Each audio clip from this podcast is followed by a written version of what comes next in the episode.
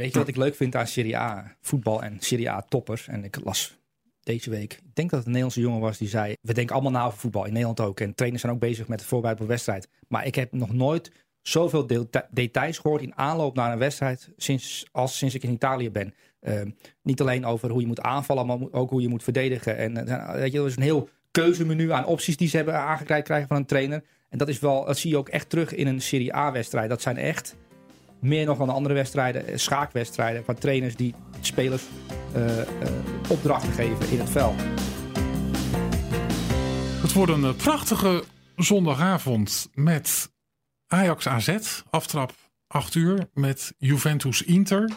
Aftrap kwart voor 9. En met Real Madrid Barcelona. Aftrap 9 uur. Ajax AZ hè, om 8 uur tussendoor. Daar begon ik mee. Oh, daar begon je mee. Ja, Ja, ik zit helemaal niet te luisteren eerlijk gezegd. Nee. Luister je überhaupt wel? Nee, eigenlijk luister ik nooit naar Hoog, wat je hoog zegt. in de concentratie, hè? Zeer hoog in de Nou, misschien even goed luisteren naar eh, vraag 1. Misschien een beetje een eh, gewetensvraagje. Maar wat wordt het als je thuis op de bank zit? Nou, ik ga sowieso het eerste kwartier meepakken van, van Juve. Om te kijken hoe ze in de wedstrijd groeien.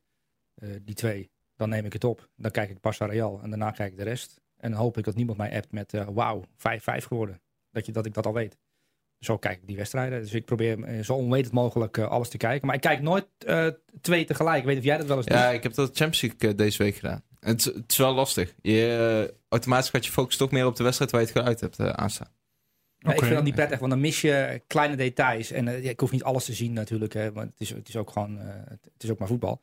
Maar ik vind het wel prettig als ik, eh, bijvoorbeeld dan ga ik op dingen letten. Hè. Kevin de Bruyne, wat doet hij precies? En dan wil ik gewoon gefocust kunnen kijken. En ik, ik merk aan mezelf, zelfs mijn telefoon, als ik die pak. hè, soms dan op Europa League avond, dan zit je naar eh, AZ te kijken. En dan ga je toch even kijken hoe het is bij de, op een Portugees veld. En dan zie je, mis je net iets over het hoofd eh, bij, bij je wordt toch afgeleid. Dus ik probeer wel, wat jij net zei, hoog in de concentratie te zitten bij het kijken naar voetbal. Dus ik kies voor Barcelona, Real, de Classico. Oké, dat is eh Suleiman. Bas. Ja, ik zit zondagavond op de redactie. En eh, ja, daar hebben we zes tv's. Dus ik, eh, ik zie het allemaal eh, voorbij flitsen. En Maar na- als je thuis zou zitten. Ja, als ik thuis zou zitten... ehm, ja, ik zou de Classico zou ik afstemmen eh, met op het tweede scherm eh, Ajax PSV. Of Ajax AZ, sorry. En ehm, Inter Juve terugkijken. Juve Inter. Waarom eigenlijk? Ja, vanwege het, het, is toch de Classico. Dat is, er is één wedstrijd in het Europese voetbal die bij mij bovenaan staat. En dat, qua niveau. Maar dat verandert wel, want Ja. City-Liverpool is misschien wel interessanter. En om twee trainers die, die elkaar uitdagen. Ja. Ehm, maar ook omdat Frenkie de Jong natuurlijk meespeelt bij Barcelona. Die wil zien hoe een van de betere internationals zich houdt in zo'n wedstrijd. Eh, misschien... Maar bij Juve Inter zien we de vrij en de licht. Ja, dat is waar. Maar Frenkie de Jong is toch wel echt cruciaal. En, en die heeft het moeilijk bij Barcelona. En dat heeft hij zelf ook toegegeven in gesprek met Wiets van der Groot. Eh, die zijn anoniem. Eh, en ik, ik, kan niet, ik kan moeilijk de bal gaan achterin gaan ophalen. Omdat ik zelf lekker wil spelen. Dan schaal ik het elftal. Dus hij heeft ook wel door dat hij in een rol gedwongen is. Waarin hij minder goed is dan een rol die hij had. Of die hij heeft bij Oranje. Dus dat vind ik interessant om te kijken. Van hoe Frenkie de Jong zich in zo'n wedstrijd tegen Real Madrid. Waar Casemiro, waar Fede Valverde onder andere op het middenveld staan. Waar Kroos of Modric spelen. Dat is toch wel topniveau. En dat, dat vind ik wel interessant om te zien. Maar ik kijk alles. Dus ja, eh, de, de volgorde maakt mij, maakt mij niet zoveel uit. Ik kan Nee. ook, kan ook met Juve in te beginnen. En daarna Barça Real. In de, het principe is eigenlijk hetzelfde. Oké, en wat is voor jou de reden, Bas, dat je naar Real Barça zou kijken? Nou, het leuke vind ik aan die twee clubs is dat het borrelt daar altijd. En de stemming verandert per week. Eh, nu ook weer bij Real Madrid na de nederlaag tegen Manchester City. Eh nou ja, Barcelona is natuurlijk al tijden onrustig. Eh Frenkie de Jong die het daar lastig heeft in een rol die hem eigenlijk eh, niet ligt. Ik moet wel zeggen dat ik de Serie A-toppers eh, zeker dit seizoen wel echt van betere kwaliteit eh, vind. Inter Juve was een geweldige wedstrijd. Dus ja, die competitie wordt zeker interessanter. Alleen qua verhaallijn eh, zou ik eh, toch altijd voor de Classico gaan. Weet je wat ik leuk vind aan Serie A voetbal en Serie A toppers? En ik las deze week, ik denk dat het een Nederlandse jongen was die zei: We denken allemaal na over voetbal in Nederland ook. En trainers zijn ook bezig met het voorbereiden op een wedstrijd. Maar ik heb nog nooit zoveel deta- details gehoord in aanloop naar een wedstrijd sinds, als sinds ik in Italië ben. Ehm, niet alleen over hoe je moet aanvallen, maar ook hoe je moet verdedigen. En eh, weet je, er is een heel keuzemenu aan opties die ze hebben aangereikt krijgen van een trainer. En dat is wel, dat zie je ook echt terug in een Serie A-wedstrijd. Dat zijn echt meer nog dan de andere wedstrijden, eh, schaakwedstrijden, van trainers die spelers eh, eh, opdrachten geven in het veld. En dat zie je echt heel erg terug. Dat zie je bij Atalanta terug in, in wedstrijden. De Roon moet de ene keer wat anders doen dan de andere keer. Vaak wel hetzelfde, eh, maar in nuances anders. En dat zie je elke keer terug. Dus ik heb altijd het idee dat, dat het allemaal uh, volledige studenten zijn die, die een, allemaal een, spel, of een, een boek uit hun hoofd hebben geleerd hoe je moet aanvallen en moet verdedigen. Dat zie je al in zo'n topwedstrijd, Juve Inter, met die twee trainers, met Sarri en Conte, helemaal terug. Dat vind ik interessant aan zo'n wedstrijd. Maar vaak gebeurt er, bijvoorbeeld de eerste 40 minuten, Nee, niet zoveel. Hè? Niet zoveel. Maar dat is als je als kijker, Ja. als, als, als spektakelkijker, je wil gewoon doelpunten zien, je wil, je wil reddingen zien, je wil een keeper naar de kruising zien vliegen, je wil tackles zien. Ja, dan is Juve Inter misschien saaie kost. Ja, Dus dan, Want dat wordt voorkomen. Doordat die ploegen dat Ja. goed weten te je neutraliseren bij soorten tegenstander. voetbal. Je hebt goed en slecht voetbal. Hè. Dat is eigenlijk. Maar het hoeft natuurlijk niet slecht voetbal te zijn. Nee, Dat is het ook niet. nee maar dat is wel, ja, dat is maar net wa- wa- wat, je wil. Dus jij stelt die vraag. De meeste mensen zullen Bas Real zeggen, omdat ze naar Messi willen Ja. kijken. Een Serie A-wedstrijden laat zich denk ik ook minder makkelijk vangen in een samenvatting. Eh, Premier League voetbal, het hoog tempo, het gaat om de goals. Uh, match of the day, geweldig programma. En dan ben je eigenlijk al bijna op de hoogte eh, van het Engelse weekend. Hè. Topploegen Ja. wil je natuurlijk live zien, maar verder ben je prima op de hoogte. Alleen Serie A-wedstrijden zijn ja, meer zoals wielerwedstrijden, zeg maar. Dat, die moet je echt uren kijken en het hele verhaal meekrijgen. En pas dan begrijp je eigenlijk ook beter hoe de hoogtepunten tot stand zijn gekomen. Er zit meer een opbouw in. Denk jij dat eh, nou ja, de Nederlandse spelers de licht en de vrij genieten als voetballer? Even los van dat ze eh, op topniveau spelen. Maar Ik denk vinden ze het echt enorm leuk daar? Ik denk het wel. Eh, Stefan de Vrij die, die heeft zijn carrière opgebouwd. En die is nu met, in, met Antonio Conte in aanraking gekomen. En dat is een freak op allerlei gebieden. Maar zeker eh, op het gebied van verdedigen en eh, resultaten pakken. En ja, ik denk wel dat je daar wel als speler van kunt genieten. Als je het boek van Pirlo hebt gelezen over Antonio Conte. Die, praat, die praat daar ook met plezier over. Mhm. Hij is er ook wel een beetje bang van, van, van Antonio Conte. En iedereen die met Conte heeft gewerkt, die, die vreest hem ook een beetje. Maar volgens mij moet je als speler ook een klein beetje bang zijn voor je trainer. Dan doet toch iets goed. Ja. Eh, dat bedoel ik op een positieve manier. Maar ik denk dat Stefan de Vrij met Inter nu meedoet om de titel. Ehm, en we hebben het toch de laatste tijd regelmatig over de Vrij. eh, in positieve zin, in, in die zin dat hij zeer goed presteert. Ja. Eh, en een van de meest constante verdedigers is, is in de Serie A. Ehm, en hij wordt al in één adem genoemd. Hè? Met Van Dijk en met eh, De Licht. In, eh, moeten we niet naar een driemansverdediging overstappen? Ja. Nou, dat is toch een enorm compliment. Dat betekent dat hij daar heel goed doet. Dus ik denk dat hij wel tevreden is. Ja, die interdefensie staat natuurlijk goed. Alleen de Vrij is van die drie centraal achterin ook wel de beste, vind ik. Want Godin en Skriniar zijn vooral verdedigend goed. Alleen in de opbouw maakt de Vrij wel echt het verschil. En daar zie je Godin bijvoorbeeld eh, de laatste tijd wel vaker eh, worstelen. De Vrij is van die drie de meest complete. Het is wel mooi aan Inter. Hè? want We hebben natuurlijk deze week gehad over de, de Nederlandse ploegen in Europa. Wat haalt Inter in, in januari naar de club? Ashley Jong. Weet je wel, ervaring. Victor Moses. Victor Moses. Dat zijn allemaal jongens die, die kun je een taak meegeven. Die interesseert niet zoveel dat ze zichzelf niet kunnen eh, ontplooien in zo'n wedstrijd. Hè? Nee. Maar die, die voeren uit wat de trainer wil. Dat is, die, Inter is een ma- voetbalmachine. En dat is wel mooi om te zien. Hè? Wil, je, wil je meedoen met Juve, eh, terwijl je minder middelen hebt. Ja, dan moet je jezelf vergeten als voetballer. En dat, dat zie je terug bij, bij, eh, bij Inter, waar Candreva... eh ja, is een prachtige speler. Als je die los zou laten bij een kleinere club... ik zeg eh Lecce of zo...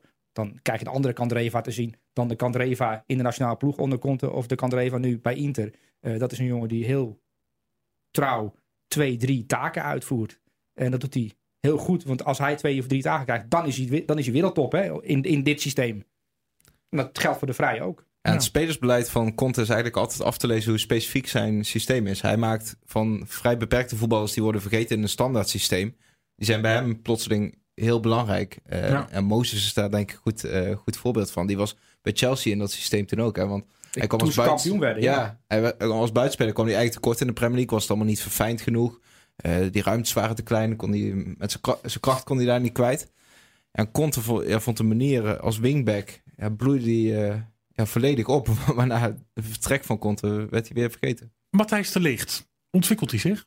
Ik vind van wel. Ik vind dat hij eh, stabieler en rustiger oogt dan de eerste seizoenshelft. Je ziet dat hij wat meer zelfvertrouwen eh, aan het krijgen is. Je ziet hem ook gewoon groeien eh, in zijn rol in die defensie. In samenwerking met Bonucci. Ik vind dat hij beter aan het worden is. Het was onrustig, hè, want die hensballen komen natuurlijk ergens vandaan. Het is, Ja. het is onrust. Ja. Ehm, en die onrust is er nu langzaamaan aan, aan, uit aan het, aan het eh, weggaan.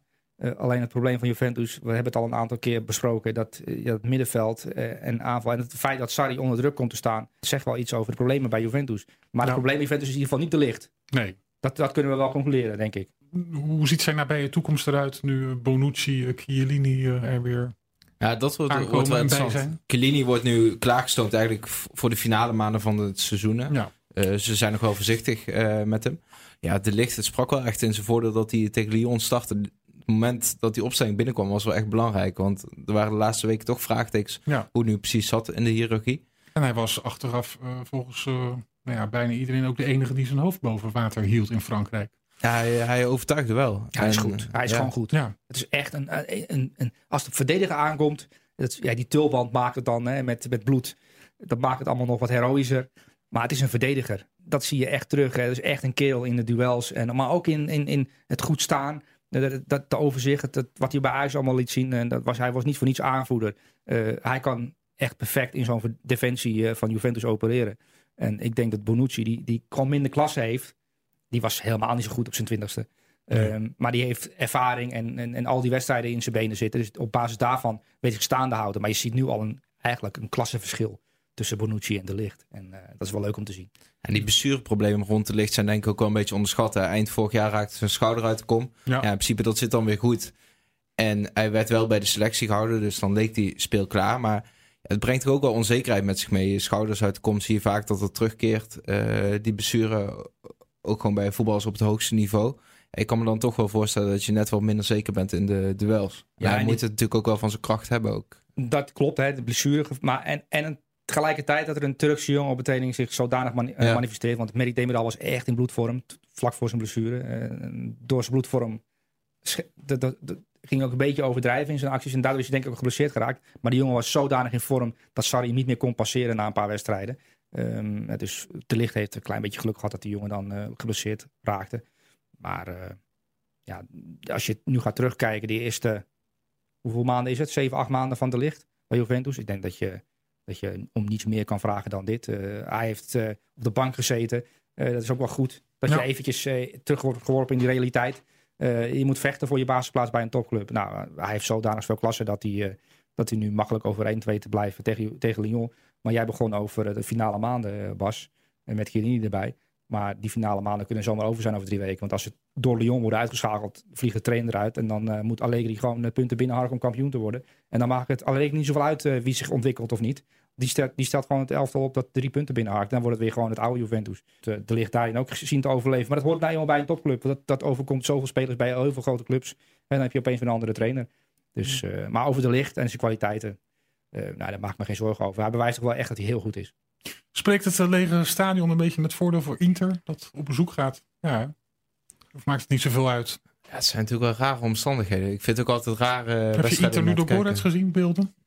Eh, Nee, die die twee heb ook een leeg stadion. Nee. Eh, het fijne aan dat soort beelden is dat je de spelers alle aanwijzingen Ja. kunt horen. Je Ja. kunt de trainer horen. En Conte is nogal luid en duidelijk. Eh, die scheelt elke balcontact mee. Dus dat ben ik wel benieuwd naar of we die kunnen horen tijdens Juve Inter. Maar ik denk dat het voor Juventus een enorm nadeel is dat ze niet eh, gesteund kunnen worden door het eigen publiek. Eh, dat, dat maakt toch echt extra, extra krachten los. En dat klinkt misschien een beetje cliché van ja, hoezo maakt het extra krachten los? Maar in, in je eigen stadion eh, eh, spelen, dat is echt een enorm voordeel. En dat valt nu een beetje weg. Het is nu een soort eh, trainingspartijtje. Ja, het brengt het niveau ook echt omlaag van zo'n wedstrijd, hè? Of de, als Nou- kijker, je hebt het idee dat het een beetje gezapig verloopt. Ik kan me nog een thuiswedstrijd van Barcelona herinneren, volgens mij anderhalf jaar geleden. Tegen Las Palmas, denk ik. Ja, inderdaad, je hoort de stemmen van de spelers, je hoort ze elkaar coachen. Het, het heeft een beetje het idee van een trainingspartijtje. Suarez ging toen nog een paar keer verschrikkelijk uit zijn dak eh, tegen de arbitrage. Het is geen ambiance eh, die bij een topwedstrijd past natuurlijk. En het zou ook niet helpen bij het niveau, denk ik. Wil je meer verdieping bij het voetbal? Ga dan naar vi.nl slash podcast en neem een abonnement. vi.nl slash podcast. Nou, die ambiance zullen we zeker wel aantreffen in Bernabeu vanaf 9 uur. In een, wat mij betreft, wedstrijd tussen toch wat twee fletse teams dit seizoen. Ik kijk er niet Ja. zo naar uit als altijd.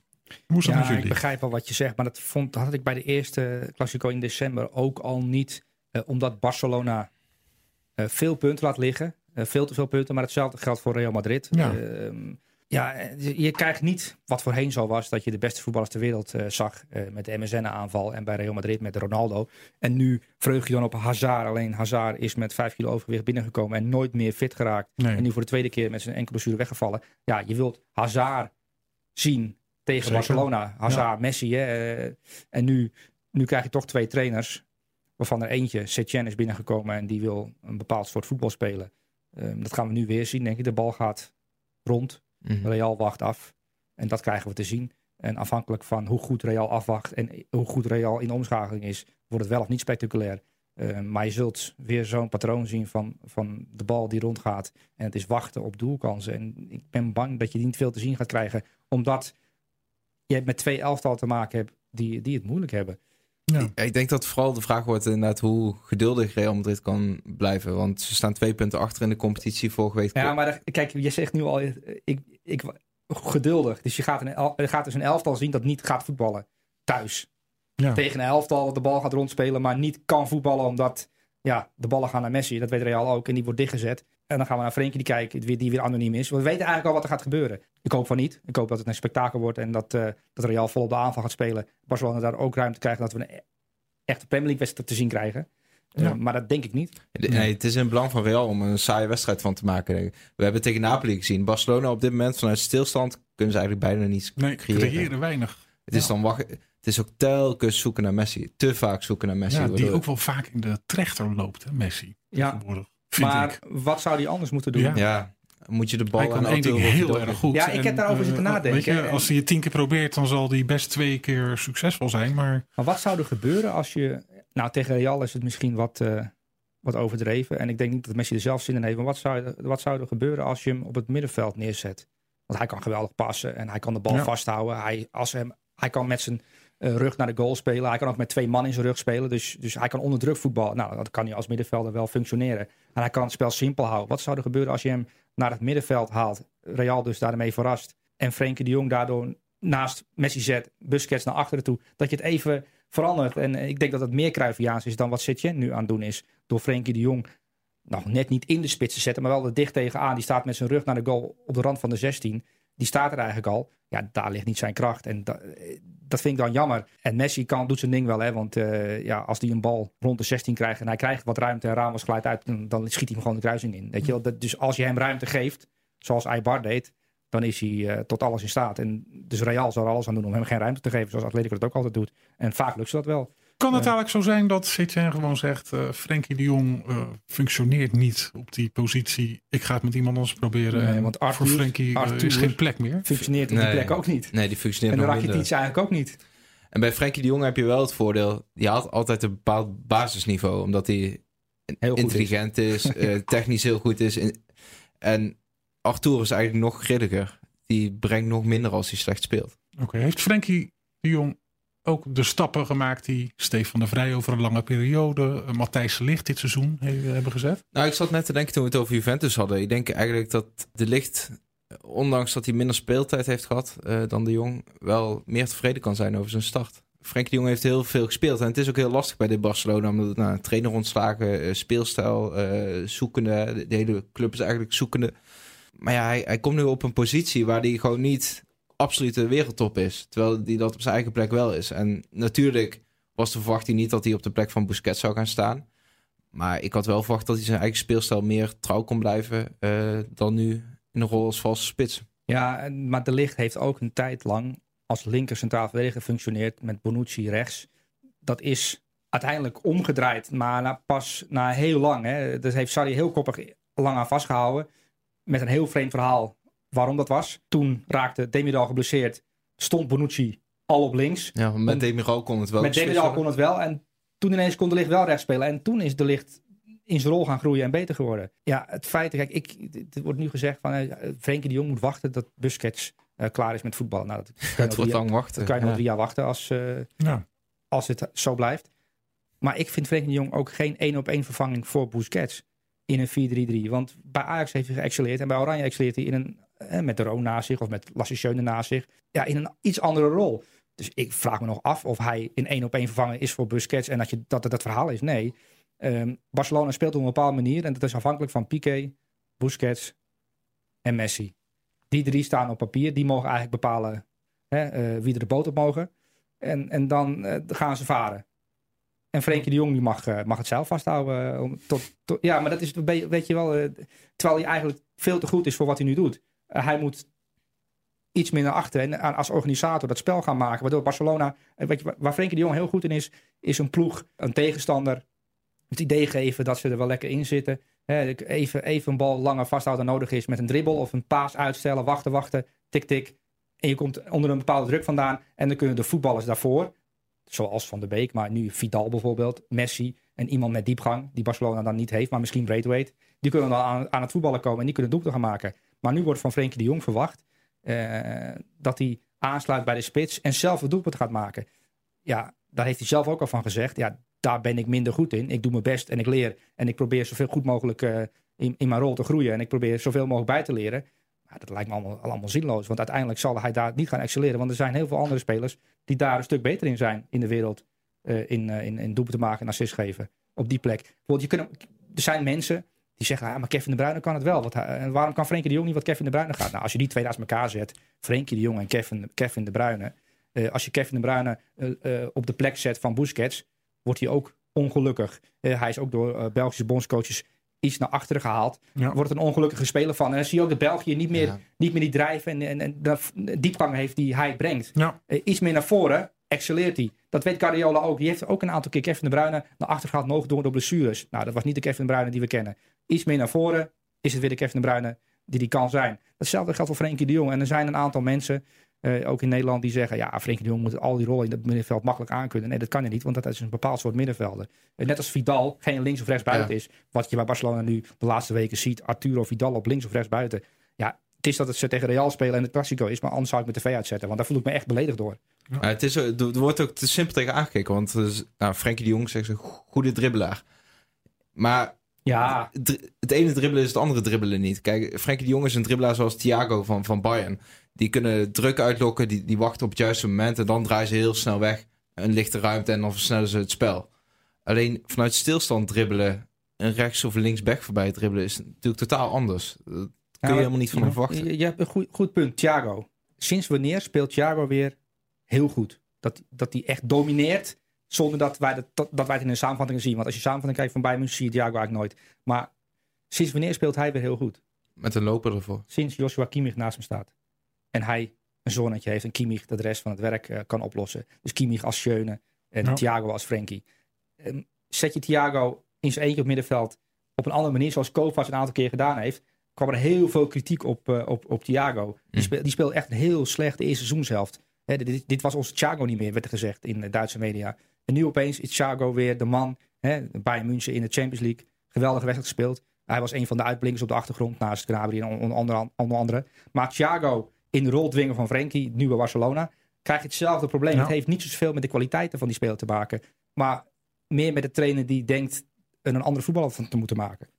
Voor welke Real-speler gaan we tegenwoordig nog eh, zitten? Dat is een goede vraag. Eh, Ik kan er eerlijk gezegd eh, Nee, ze- niet ze- één opnoemen, los van het feit dat het allemaal hele goede voetballers zijn. Ja, Eudegaard, ja. Ja, dat is nog even wachten op. Ja. Tot hij in het wit eh, kan schitteren. Nee, ja, ze hebben wel veel artiesten in de selectie. Alleen het is allemaal ontzettend grillig. Vinicius, ik had ook wel gehoopt dat hij wat sneller volwassen zou worden als eh, speler. Je ziet wel in flitsen dat het een geweldige voetballer is. Eh, Ja. Maar die heeft nog veel wedstrijden In de nodig. eindfase Ja, maakt hij vaak een eh, verkeerde keuze. Krijgt Ja. hij kortsluiting in zijn hoofd op. ja. Nou, het is een vervelende tegenstander Ja, voor, een- voor een supersnel. back. Want hij is snel, hij is handig. eh, Ja. Het is een goede dribbelaar. Eh, In 1 tegen 1 is hij heel goed. Eh, maar hij is nog niet efficiënt genoeg in, met de rendement, eindpaas, dat soort dingen. En dat zie je. daar hebben sommige jongens iets langere tijd voor nodig om daarin te groeien. Er zijn ook jongens die meteen staan vanaf de 17e. Dat vind ik echt ongelooflijk aan bijvoorbeeld Jadon Sancho eh, van Dortmund. Die jongen kunnen ook geweldig dribbelen. Eh, maar die is zoveel meer doelgerichter dan, eh, dan Vinicius. Terwijl Vinicius talentvoller is. Eh, maar hetzelfde zag je bij Neymar. Die heeft ook een aantal jaar, de eerste drie jaar van Barcelona nodig gehad om echt dat rendement te krijgen. En nog steeds is het meer speeltuin dan rendement. Hè? Terwijl je heel hoog rendement haalt, Neymar. Maar die is, als je zijn talent gaat vergelijken met andere linksbuitens, dan zal het nog veel meer moeten uitkomen. En Vinicius geldt hetzelfde voor. Ehm, geweldige speler. Ja. Het kan zomaar zijn dat hij zo'n wedstrijd heeft dat alles lukt. Ja, dan is het genieten. Ehm, maar het is nog heel grillig met hem. Ik ben wel benieuwd hoe Real eh, gaat spelen op de rechterflank. Want Junior Firpo was tegen Napoli verdedigend heel slecht. Ja. Die is eigenlijk al weken slecht. En bij Real Madrid spelen ze de laatste tijd eigenlijk zonder rechtsbuiten. Diepgang komt meer eh, vanaf links. Ik ben wel benieuwd wie Zidane daar tegenover gaat zetten. Een Beel ja, is ook weer niet eh, overtuigend hè, de laatste tijd. Nee. Nou, hij koos voor Vinicius eh, in de Champions Ja. League en niet voor Bale. Maar zou die dat, vanaf rechts gaan spelen, denk je, Vinicius? dat zou kunnen. Daar heeft hij wel een aantal keer gespeeld. Ehm, ja, kijk, Isco is ook zo'n speler van Real Madrid. Hè? En, en, en jij vroeg van welke speler kijk je naar uit. Maar Nou, gaat, daar wilde ik dus eigenlijk naartoe. Want Isco was natuurlijk een paar jaar geleden een speler waar we wel voor gingen zitten. en met welke speler wordt het vaakst genoemd? Eh, maar is Isco ook een speler die gewoon misschien te afhankelijk is van wat er om hem heen loopt? Nou, je hebt, eh, het, het, wordt steeds, het, voet- het voetbal in de top wordt steeds zakelijker. hè. En, eh, het, het wordt steeds meer een schaakspel. En Isco is geen schaker. Nee. Isco is een voetballer. Eh, Ja. Fede Valverde, Ja. die kan door schaakvoetbaltrainers opgesteld worden. Want Fede Valverde kan heel veel. eh, en die is echt geschikt Ja. om uit een taak te spelen. En daarom, ik vond het wel grappig dat je het vroeg. van welke speler kijk je het meest naar uit? De meeste trainers in eh, of ik zie het bij Ziggo, maar ook bij anderen in Spanje ook. ehm, die noemen dan Fede Valverde als de troef van Zidane, maar ook als uitblinker dit seizoen. Nou, als Fede Valverde jouw uitblinker is, dan zegt dat wel iets over de intenties van een elftal. Dat zegt Ja. dat iets over de speelwijze. Want Fede Valverde is een prima speler, maar het is niet een speler waar je aan denkt als je aan Real denkt, aan een wit shirt en aan, aan, aan uitblinkers. Dan denk je aan andere spelers, hè? Nee, denk je aan stel- Ronaldo nee, bijvoorbeeld. Nee, maar inderdaad. Stel je die vraag aan trainers, dan ko- komen ze op voor verder. Maar stel je die vraag aan Rafael van der Vaart, dan noemt hij ongetwijfeld Isco. Ja. Isco voor liefhebbers is het, ja, de perfecte voetballer eigenlijk. Alleen, ja, het Ja, ze hebben het wel zwaar, hè, de artiesten in het voetbal. Ja. Het, is, Nou ja, ik kom er inderdaad wel zo over te spreken. ja, het- ze hebben het zwaar. Vind je niet? Ja, Özil is daar ook goed Ja, voor. maar het, Özil die is pas weer gaan spelen onder Arteta. Maar je- die ziet er nu veel actiever bezig Mm. zijn, ook met dingen die hij liever niet doet. En dat moet bijna wel, want anders speel je niet. En er- er- komen anderen, bijvoorbeeld Kai Havertz, zo'n jongen die bij Bayer speelt. Ja, die maakt ook meters, dat is ook kilometers. Maar een ouderwetse tien, als je daaraan denkt, Riquelme, eh, ja, als je daaraan denkt, die deed alleen mee als Villarreal bijvoorbeeld de bal had. En als hij een keer eh, een, mislukte actie dan ging, dan ging hij echt hangen. Hè, dan liep hij met zijn gebogen hoofd terug naar de middenlijn, totdat die bal weer in zijn voeten kwam. En dan begon hij weer. Dat zie je, dat zie je bijna niet. Als je kijkt naar een spelmaker bij Aston Villa, Jack Grealish, hoeveel power daarvan uitgaat en zo. hè, Dat, dat, die gaan we dan op het EK zien als spelmaker bij Engeland. Maar dat, zijn, dat, dat, dat heeft niks te maken met Isco. Nee. Vergeleken met Jack Grealish is Isco... Ja, dat, die, die, die, die, die bestrijkt een heel klein gebiedje. En dat weet ze- Zidane ook. Dus daarom stelt hij niet, liever niet op. Suleiman en Bas, ik ga jullie danken voor jullie inzichten. En ik wens jullie echt een hele fijne zondagavond. Maar Barça Real kun je beter overslaan. Hè? Dus, eh, als je, na, na dit verhaal, denk ik. 0-0. ja. Ja. Net als de eerste wedstrijd. 0-0, toch de eerste wedstrijd? Eh, Was 0-0 ja, geworden? volgens mij. Ja, 0-0. Ja. Ja, dus ja, wordt nu Real 0-0. 0-0. Nu is nu in Bernabeu resultaat is 0-0. dan, eh, Nou, oké. En nu we toch bezig zijn, Juve Inter wordt. Mm, 1-1. 0-0, 0-0. Twee keer 0-0.